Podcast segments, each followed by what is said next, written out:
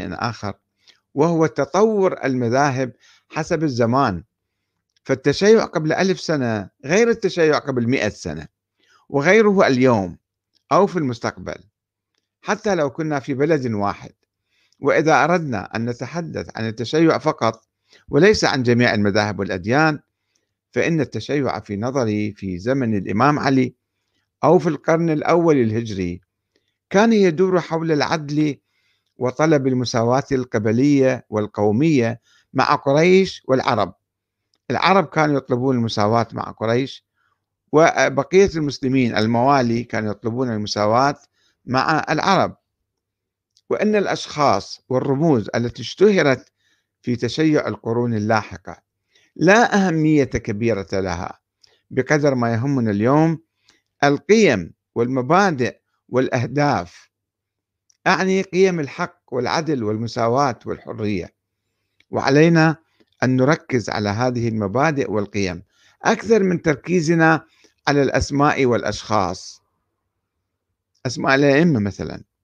وبما أن الساحة الاجتماعية معقدة ومتعفنة طائفيا فلا بد أن نخرج من إطار الطوائف إلى أطر جديدة بأسماء حركية جديدة تجمع بين الناس بأكبر قدر من المشاركة. ولا بد أن نكسر حواجز الطائفية بخدمة المجتمع كل المجتمع وليس العمل من أجل مصلحة طائفة معينة فقط. يعني بعض الناس قد تكون لهم حساسية من كلمة الشيعة. ليس آه، مهما أن نتشبث بهذا الاسم. إنما نأخذ روح التشيع هو البحث عن الحق والعدل والمساواة والحرية ونعمل حركة جديدة بالمجتمع آه، تسمح بانضواء جميع الاتجاهات في هذه الحركة. وبالتالي نتجاوز الأسماء التاريخية.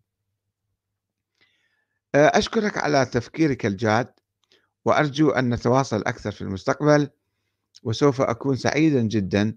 لو حددت ملامح مشروعك الفكري والسياسي وسجلت ملاحظاتك على مشروعي الفكري والسياسي فأنا أدعو إلى الوحدة الإسلامية والوحدة الوطنية والحرية والعدالة والشورى أي الديمقراطية والتجديد.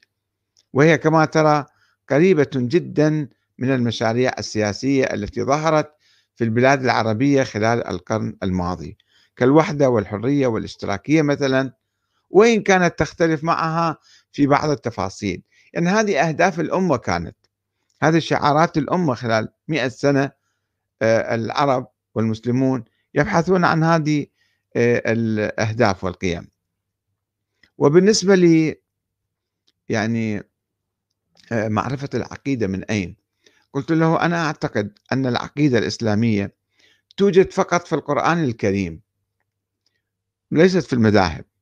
وأما التأويلات المذهبية الباطنية فكلها هرطقات لا علاقة لها بالإسلام. ولكن لا أقول بأن الشيعة أو الإسماعيلية أو العلويين مثلا ليسوا بمسلمين وإنما أقول بأن التأويلات التعسفية للقرآن الكريم ليست حجة ولا تشكل عقيدة. فالعقيدة الإسلامية هي فقط توحيد الله والإيمان بالآخرة والنبوة ويتفرع عنها الأحكام الشرعية كالصلاة والصوم والحج والزكاة وما إلى ذلك.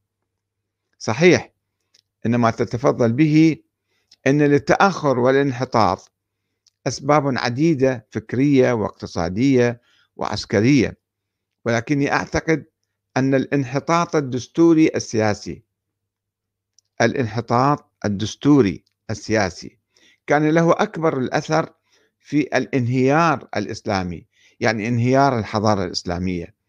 فهو الذي أدى إلى الفتنة الكبرى المستمرة إلى اليوم من أيام الصحابة إلى اليوم في العالم الإسلامي.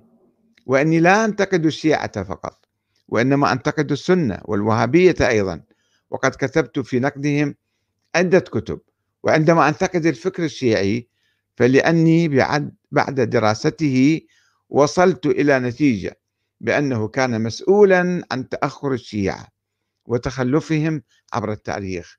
وأعني بذلك أسطورة المهدي الغائب التي همشت الشيعة وأبعدتهم عن السياسة ودمرت فكرهم الدستوري ولا تزال تخرب تجاربهم الديمقراطية الحديثة سواء في إيران أو العراق. واستبدلت الدكتاتورية بالديمقراطية. والسلام عليكم ورحمة الله وبركاته. أخوك أحمد الكاتب.